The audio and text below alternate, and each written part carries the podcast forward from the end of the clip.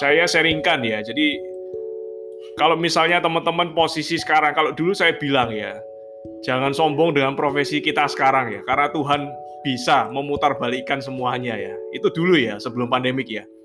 Jadi kalau sekarang saya rasa udah nggak relevan ya, karena kita udah sadar ya bahwa kak, profesi kita sekarang siapa pun teman-teman yang ada di sini, baik kita yang buka toko, baik kita yang punya bisnis, baik kita yang jadi employee ya, intinya kita nggak boleh sombong dengan profesi kita sekarang. Kenapa? Karena memang buktinya di kiri kanan kita itu diputar balikan semuanya teman-teman ya, diputar balikan semuanya ya. Dan Teman-teman, kenapa bisa seperti itu? Ada tiga ya yang kekal di dunia ini ya. Yang kekal itu artinya yang sama, yang selamanya ada di dunia itu ada tiga. Pertama apa Tuhan yang jelas ya, yang di atas ya. Yang kedua ketidakpastian ya, ketidakpastian. Jadi jangan sampai kita dengan income kita itu kita merasa bahwa pasti aku bisa dapat income, pasti incomeku nggak turun. Dan yang terakhir itu perubahan teman-teman ya.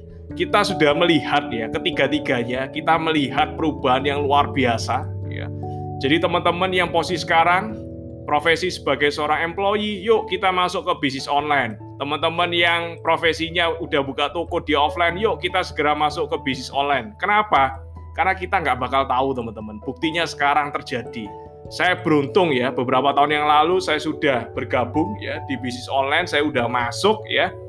Dan sekarang terbukti saya bisa selamat ya, saya bisa selamat dan keluarga saya bisa selamat dan pertanyaannya adalah kepada teman-teman sendiri gimana? Ya, saya ingin teman-teman tambah sukses, saya ingin teman-teman tambah makmur, saya ingin teman-teman di tengah ketidakpastian kali ini teman-teman bisa memberi makan kita keluarga kita masing-masing, bisa ya tidak sampai jatuh, tidak sampai ikamnya jatuh ya.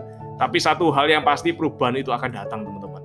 Yuk kita belajar ya, yuk kita terbuka, yuk kita open mind terhadap peluang-peluang baru